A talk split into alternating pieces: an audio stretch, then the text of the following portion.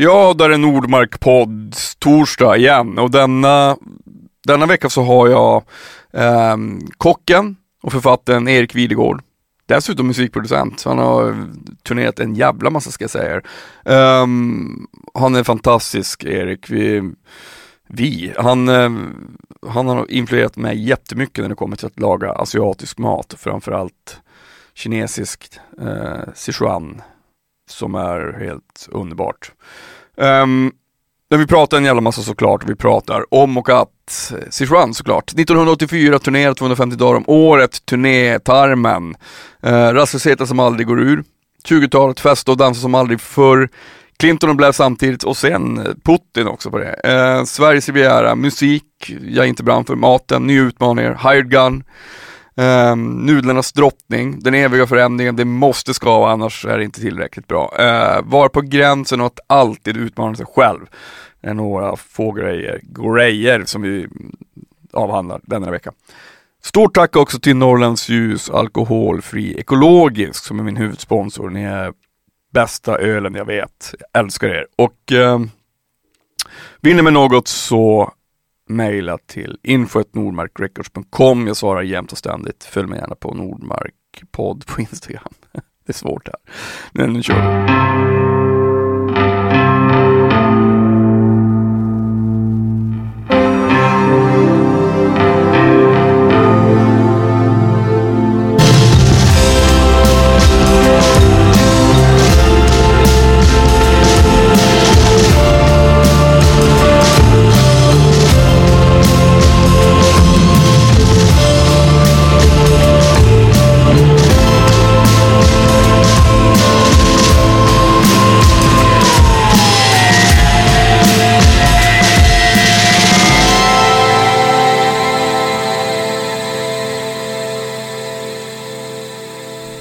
Erik Videgård.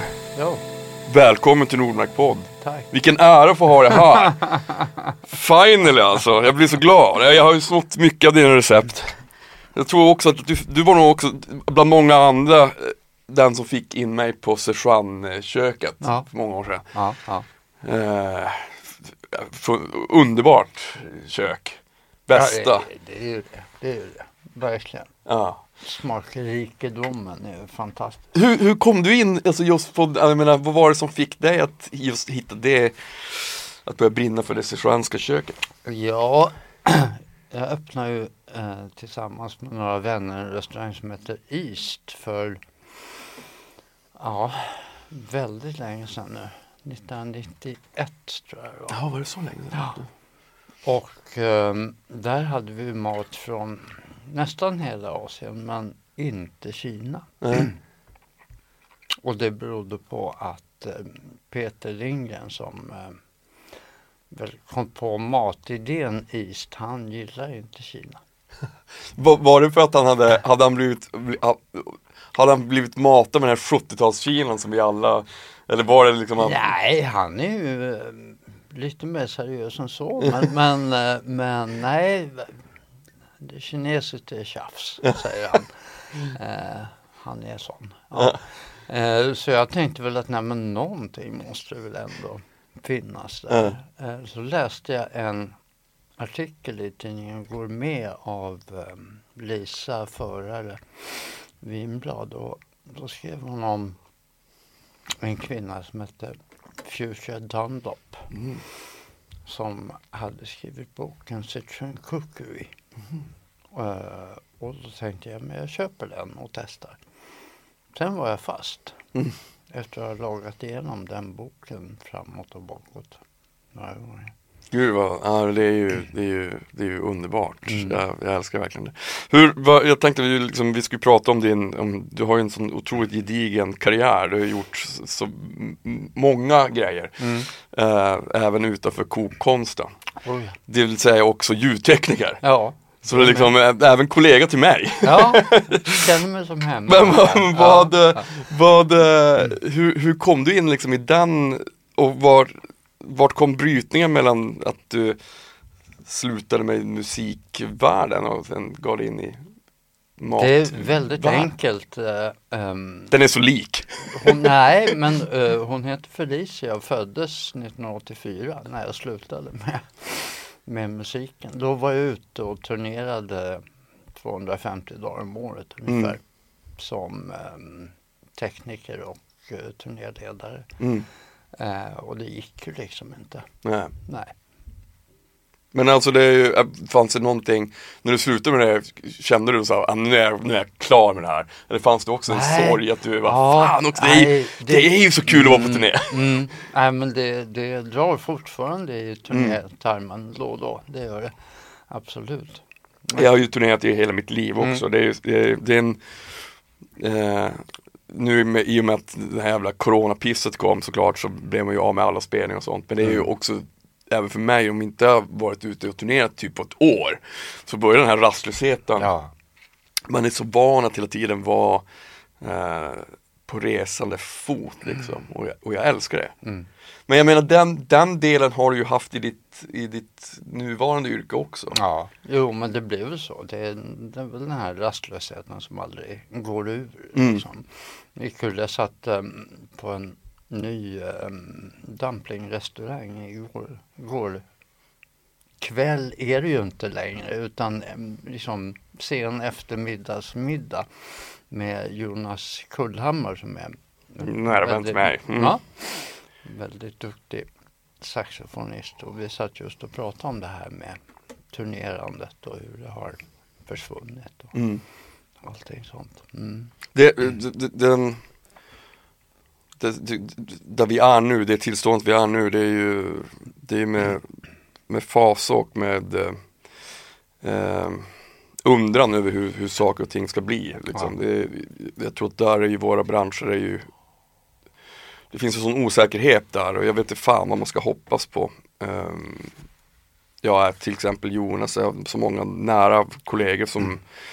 Ja, som inte ens, som inte kan jobba överhuvudtaget. Det finns, ju, det finns ju liksom ingenting. Det, det, det, är, det är otroligt läskigt. Men vi har ju vi har varit, mänskligheten har varit i pandemier förr. Men vi har ju aldrig varit det i modern tid. Så Nej. vi kommer, den, den empirin har vi inte liksom. nej, precis. Vad tror du kommer, alltså, vad, vad fan kommer hända? Kommer vi ha samma syn på mat? Kommer vi ha samma syn på liksom, att se livemusik liksom? Ja, jag tror ju faktiskt att eh, det blir som 20-talet som kommer tillbaka. Mm. Det blir eh, La Belle Époque Mm. nummer två. Alltså. Vi kommer ut och festa och dansa och dricka och äta som aldrig förr. Ja. Men det är en bit dit. Ja, jag vet. Jag tror inte man, det är, det, det är väl jag menar, om man jämför, jag känner folk som bor i andra länder där de, där de har total lockdown och sådär.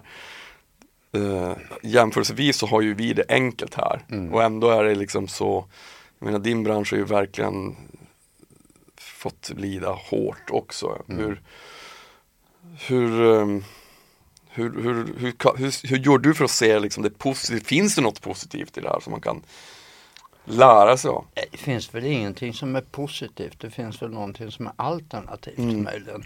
Um, nej men som det här, man går ut och käkar middag halv fem på Mm. eftermiddagen. Liksom.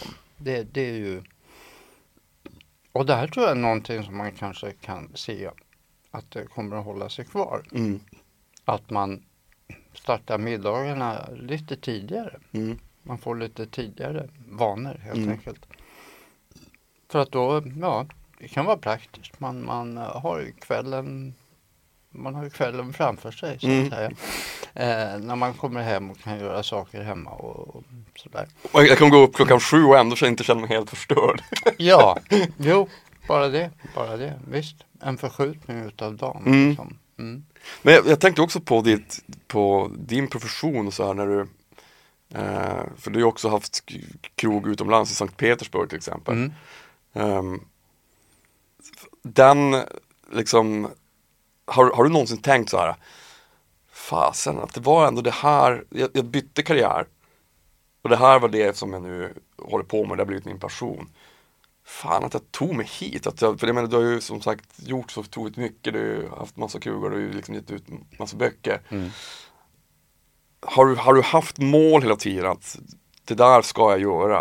Eh, eller har du liksom bara låtit livet och din passion låtit dig komma dit du är? Nej, jag har haft mål hela vägen. Mm. Ehm, jag skulle ha egen krog innan jag var 30. Jag skulle um, vara um, hovmästare innan jag var um, 26. Jag skulle vara um, vunnit tävlingar och så vidare. Så att jag har hela tiden haft Mm. rätt tydliga mål faktiskt. Mm. Mm. Har du haft en, alltså Det är samma sak som med musik att det finns en det, det, det, jag säger inte att man behöver ha det men det är ofta bra att ha någon slags ledstjärna eller någon, någon inspiratör Mm. som, som kan få en att, eh, kom, att nå sina mål. Mm. Har du haft någon sån person i din omgivning som har stöttat dig liksom, i dina val? Och, Ja, det, det, ja, absolut. Det har jag. Från början var det faktiskt i, inom restaurang. Då var det Tore Wretman. mm. Ehm, som jag lärde känna och um, hälsade på i, i Frankrike, i Morsen där han bodde. Och han lagade mat och vi pratade jätte, jättemycket Mm. där.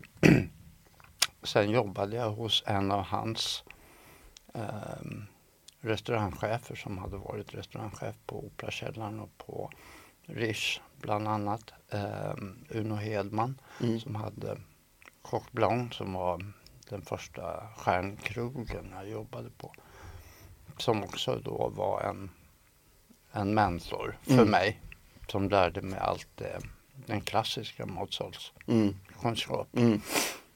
Sånt som jag ibland nu står och gör nere på Laventura här och flamberar och trancherar Mm. och, och gör eh, mat framför gästerna vid bordet och sådär. Det, det, är, mm, det är häftig kunskap. Det är verkligen mat och skådespel Mm. och det, det, är, där är man ju inte så långt ifrån musikbranschen egentligen.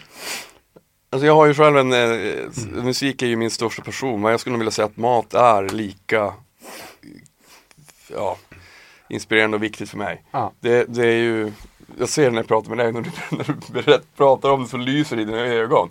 Alltså det finns en, eh, en del har ju den, alltså man kan ju ha passioner vad som helst men det är någonting som är speciellt med både mat och musik. Och det, är därför jag, det är därför jag tycker att de två, de, de gifter sig så bra och det är de, eh, om man nu får vara egen god, de noblaste konstformerna. För att de är Ja. så direkta. Eh, Ja, det man- är ju kultur. Alltså, Mm. Och det, det är ju inte så många som tänker på att mat faktiskt är kultur. Mm. Musik, teater, film, ja visst, det är mm, opera. Eh, det är ju kultur, litteratur. Eh, men maten har inte fått vara med Nej. där. Och det är synd, Mm. tycker jag.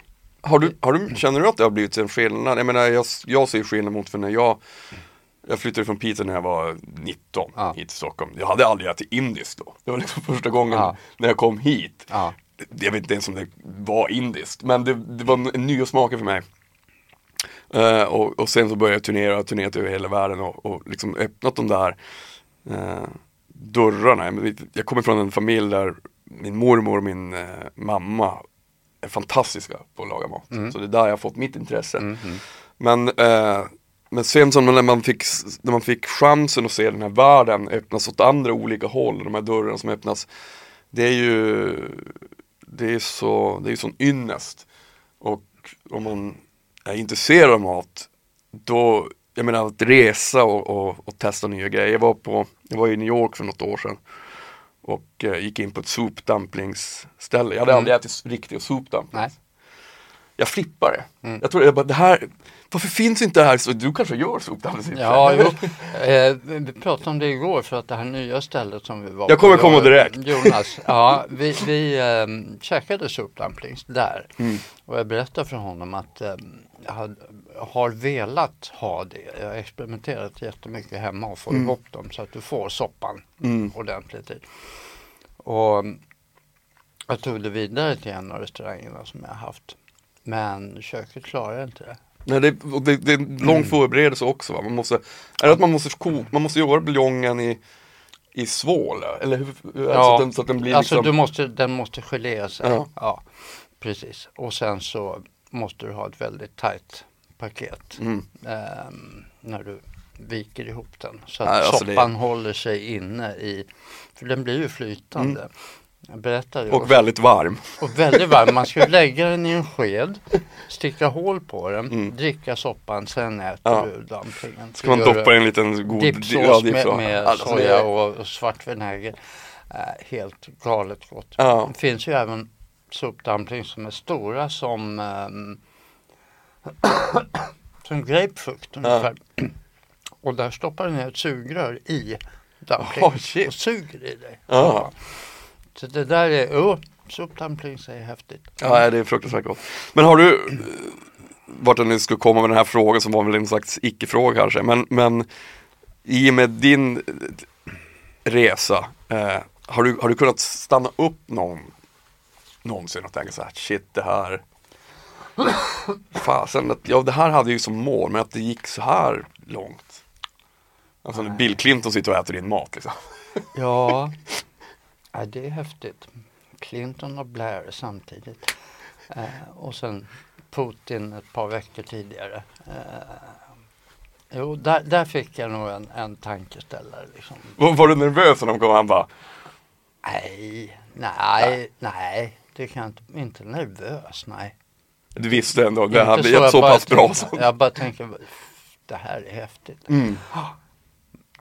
Ah, shit. Men har du alltid haft, jag menar det är ju så kan jag tycka ibland när man har spelat in en skiva eller, eller, eller turnerat eller någonting när man, är, när man är klar, man har, fått, man har gjort den här prestationen som man har strävat efter länge, det kanske har tagit lång tid Kan det infinna sig någon sån här Jaha Fan vad ska jag göra nu? Nu kommer det ju bara, nu har jag liksom toppat det som jag har drömt om att göra, nu kommer det bara gå sämre Nu kommer det bara vara liksom Vad är nästa mål? Ja, det, det kan väl säga, det kände jag lite grann med, med ljudtekniken för att eh, när jag började med det och när vi var ute och turnerade mycket, då var det väldigt mycket folkparker. Mm. Eh, vi gjorde ju både dubbleringar och tripleringar under, under säsong, liksom Mm. runt överallt. Eh, Peter Havsbad och Ja. Eh, Sveriges Riviera. Ja, bland annat. Eh, men sen började det bli mer och mer att nej men folkparkerna började stänga igen och det, det var inte så mycket live-spelningar. Då såg jag framför mig liksom ett liv i en studio och spela in eh, musik som jag inte brann för Mm. eller gillade eh, som ett 9 till 5 jobb. Mm. Liksom. Och då, då blev det så nja. Men maten har inte känt så med. Det har hela tiden funnits Mm. nya utmaningar Mm. hela vägen. Jag, jag tror att det, det, jag tycker det är så intressant och fascinerande också men jag, jag eh, Förr så var jag liksom turnerade he- hela tiden och var verkligen hired gun på trummor Mm. så här. Jag kom till en punkt där jag så här, men vänta nu Jag gillar ju inte ens den här musiken. Nej. Jag gör det här nu bara för att Jag kan lika gärna sitta på ICA, jag, jag, jag, har, jag har inte ens kul. Och det här är mitt, musiken är mitt hjärtebarn, jag har alltid brunnit för det. Och nu gruvar jag mig inför varje turné för jag tycker det är så jävla trist. Och då Då var man tvungen att tänka om. Okej, hur, ska, jag- hur, ska, jag- hur ska jag göra för att jag bara ska få spela det jag gillar och älskar? Mm. och sen så hittar man ju sina Man hittar ju sina loopholes som gör att man kan hålla på med det man, det man vill och kombinera med hårt jobb och sådär. Mm. Men, men har du eh, Just det där med att hela tiden behålla någon slags nyfikenhet och Jag menar alltid, man, man har ju alltid någon dålig dag på jobbet. När man känner såhär, fan nu är jag ändå rätt Ja, trött på det här, såklart. Alltså, Ja, ja, ja. Visst. Visst. hur, hur, eh, hur tacklar du de dagarna? Eh, jag brukar titta på en film. Om jag är sådär riktigt, eh, nu skiter jag i det här tänker jag. Eh, nej, men nu kollar jag på eh, Tampopo, nudlarnas drottning. Och då blir jag sugen igen, Mm. faktiskt. Men att ta, att den liksom hela tiden den här Att hela tiden ha den här ivriga eh, förkovringskärleken i Ja, sig. ja. Det är liksom, det, det är någonting som man är, det är ju Jag tror att alla människor har en eh, Jag hoppas det Men jag, det är ingenting som jag ändå tar för givet. Det är liksom världens, för mig är det någon slags eh, alternativ till re- religiositet. Mm. Det, det, it makes sense. Mm. Eh, varför, varför jag är här. Mm. Och det är just den känslan och den kan ju vara flyktig. Men man måste liksom upprätthålla den för att, för att ha den. Och det tror jag man får genom hårt jobb också. Liksom. Ja, visst. Nej men det är ju den, den, ev, den, den eviga förändringen på något sätt. Det är ju den som, som i alla fall jag söker. Att, att hela tiden attackera vardagen fast från olika Mm. håll. Alltså att se att um, jo men om jag gör en restaurang på det här sättet, måste den göras på det sättet? Eller är det Mm. någonting annat jag kan justera, ändra på? Mm. Liksom a- hela tiden vara så långt ifrån en medelväg som möjligt. Mm. Hellre göra några förbannade än äh, Love all all, det funkar inte. Eh, Nej. Utan du måste hela tiden vara på gränsen någonstans. Det måste skava lite grann hela tiden. Som med musik. Den bästa musiken är ju när den är också lite skitig. Får inte Absolut, absolut. Men har du en, har du, alltså hur, hur är du mot dig själv när det kommer till, till din kreativitet? Alltså det där kan ju ofta gå hand i hand med att man, med att man också är ganska hård mot sig själv. Mm. Så jag vet ju ibland när man sitter här i studion så bara fan det här blir inget bra. Jag vill, jag vill bara bränna upp hela det här huset. Mm. Eh, och då hjälper det att gå hem och sen så blir förhoppningsvis ett dagen efter bättre. Mm, mm. Men, men eh, jag vet inte, jag är ju 44 nu. Det har liksom, att få kontroll på mina sådana inre demoner har ju tagit mig hela mitt liv. Att komma fram till. Mm.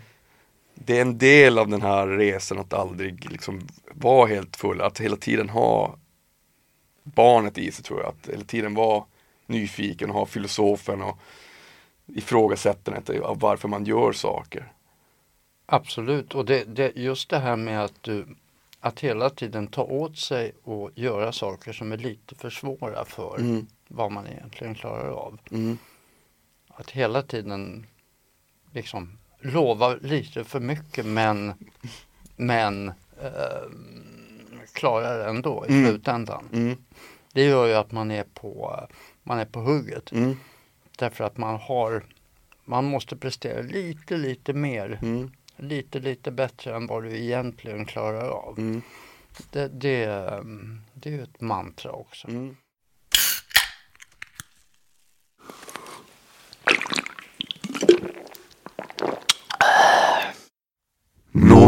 Norrlandsljus, alkoholfri, ekologisk. Något som jag har lärt mig att man, att man eh, jag, har, jag har haft så otroligt kort, kort stubin för det här gentemot mig själv. Alltså verkligen piska mig själv Mm, när, mm. när det går dåligt och liksom eh, liksom otro- otroligt långsint när det kommer mina egna prestationer. Jag måste liksom spela fel så här mått dåligt en vecka efteråt. Mm. Men alla andra har gått vidare. Men jag sitter och bara Herregud, jag vill bara Ja, Jag, jag, jag, jag tål mig inte. nej. Eh, och den, det har jag blivit bättre på. Jag är snällare mot mig själv nu. Men, eh, men samtidigt så är det ju den här utmaningen att hela tiden inte vara, att hela tiden vara på dju- djupt vatten, okänt vatten. Det är ju en hårfin balans. När man mår superbra och fruktansvärd. Den, den, är ju, den, är ju, den, den kan man nog bara komma fram till en, genom att göra det jättemycket. Ja. ja, ja visst är det så. Nej men jag känner mig igen. Jag känner igen mig i det du säger. Det, det är ofta man, man förbannar sig själv för att man Mm. liksom inte presterat eller gått den här lilla extra biten från, från bra till jävligt bra om vi Mm, säger så. mm. Va? Jag vet ju att jag har en, en hyfsat jämn nivå vad det gäller Mm. prestation och så. Men jag vet ju också att det går alltid att skruva till det. Den här lilla, lilla biten extra. Mm. Liksom. Mm. Så jag, tänkte, jag tänkte på när, när, du, när du blev sjuk, när du fick cancer. Jag, har- jag har ju också haft cancer. Mm. Jag, jag blev sjuk när jag var 23, jag fick testikelcancer. Ja. Jag läste en, inte- jag kommer inte ihåg vilken intervju det var med dig, men du, men du, men du berättade om när du, fick, när du blev strålad. Och det, det var som otrolig igenkänningsfaktor, det kändes som att man brann upp inifrån. Mm. Eh, Och för mig var det som att jag, att jag ville vända, det kändes som att det skulle vändas ut och in. Jag spydde så jävla mycket. Ja. Och den, den gick ju bra, den behandlingen. Men, men någonting förstördes och någonting vann jag. Mm. Alltså, och det var väl någon slags ödmjukhet inför livet. Så. Men också att, um, att det inte är för evigt. Att jag blev, vad fan ska jag dö? Jag, det, jag kommer ihåg det första jag frågade min läkare var, hur länge är jag kvar? Han sa, det kommer nog gå bra. Det kommer bli tufft, men du, det ska nog gå bra. Ja. Och då litade jag på det. Mm. Det fanns en sån, just när jag var i, det, i den behandlingen och, och det året så sjukt nog så var det var ju fruktansvärt. Men jag har aldrig känt mig så fokuserad heller. Jag tänkte bara att det här, det här ska gå. Mm. Eh, Sen så kom en massa andra, en massa andra krascher efteråt, liksom psykisk ohälsa liksom, det, det, det kom ikapp mig. Men har du, någon, har du kunnat vända den erfarenheten till någonting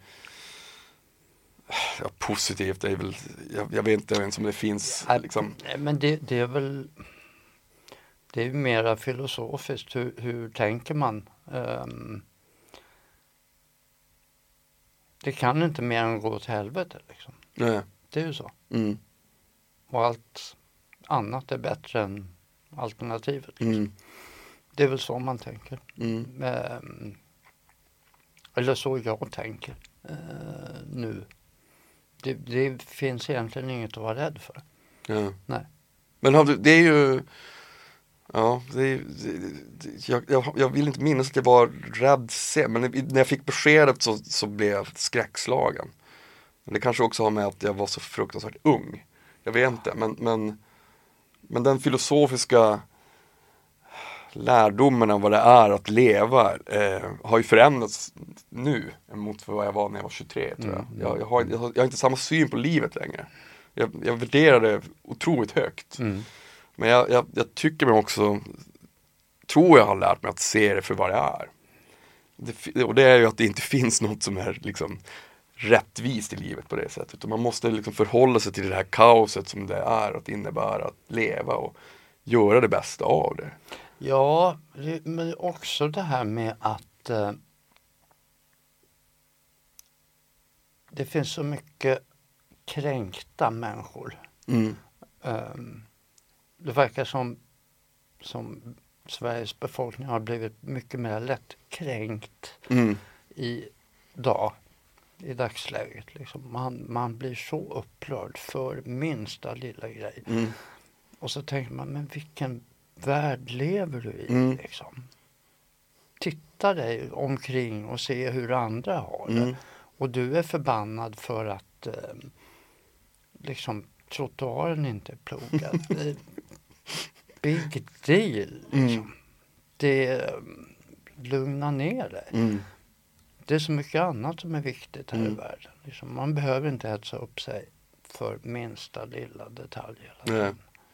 Men har, det, det är ju Det är väl en grej som jag har plockat med mig också att eh, Som jag, jag tycker mig att, att det känns som att man har, att jag har, åtminstone har växt i och med min sjukdom Att jag inte bryr mig lika mycket, jag bryr mig inte lika mycket om vad andra tycker Nej.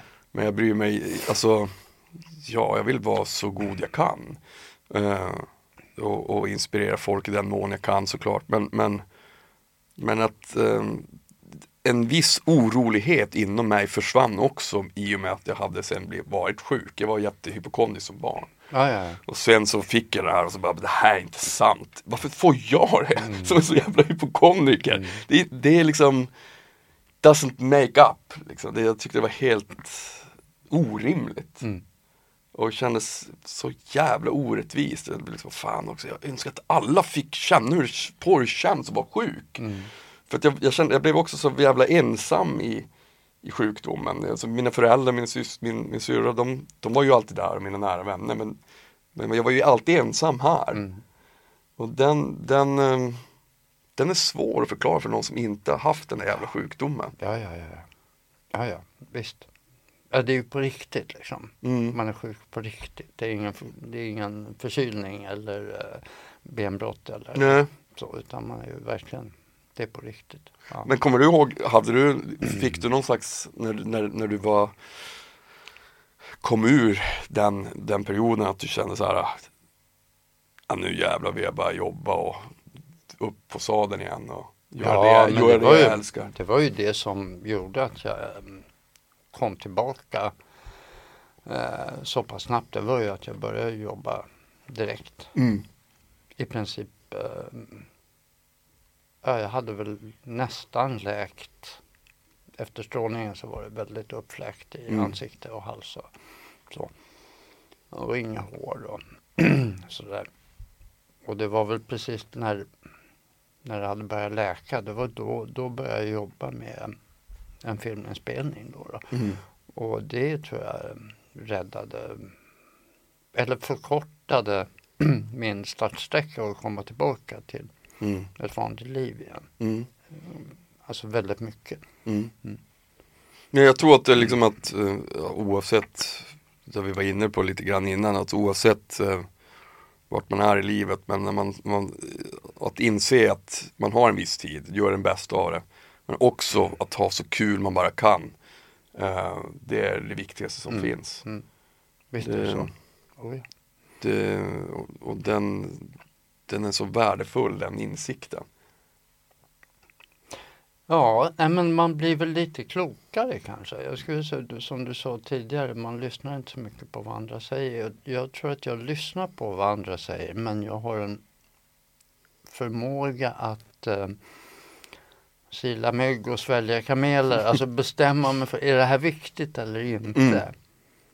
Är det här någonting som jag ska ta på allvar eller är det här någonting som jag bara kan låta passera och Mm. fortsätta? Är det här något jag ska bli upprörd över? Mm.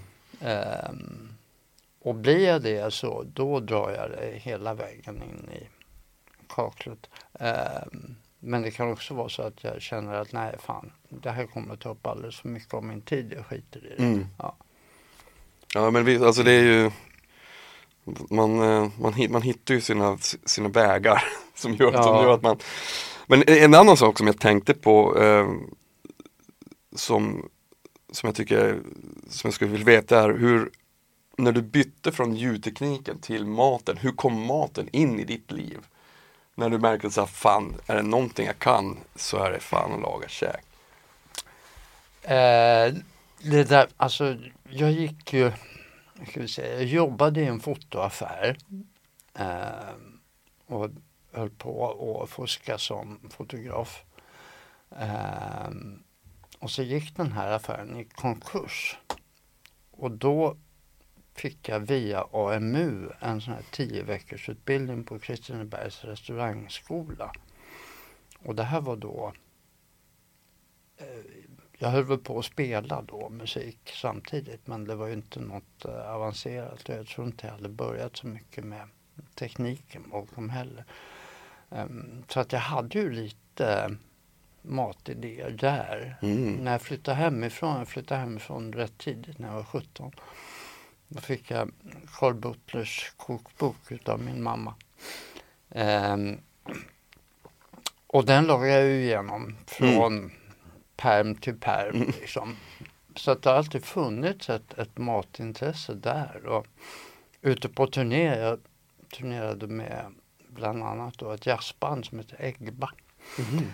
Ehm, och um, Ulf Adåker som är trumpetare där, han eh, var väldigt, eller är väldigt mat och vinintresserad. Så att eh, första vi gjorde när vi kom till mindre städer så, det var in på systemet, vad finns det för, för då fanns det någonting som hette härtappade viner. Mhm. Det var alltså slottsviner från um, Bordeauxområdet som kördes hit i tankbåt och sen ta- eh, fylldes upp på flaska i Sverige. Mm. Och de här var väldigt bra prismässigt och kvalitetsmässigt. Mm. Så att då var vi inne och så kollade vi för ute på småorterna fanns det ofta sådana här små partier kvar Mhm. utav, utav de riktigt bra vinerna. Eh, så då köpte vi några flaskor av det, hade med oss ost och så efter giget då när vi hade radat ner allting och packat bussen så satt vi på hotellet och provade vin och käkade ost. Mm. Ehm, och det var ju aldrig några liksom korvkiosker eller vägkrogar på det sättet. Utan vi svängde gärna av huvudvägarna och in i landet och käkade lite bättre.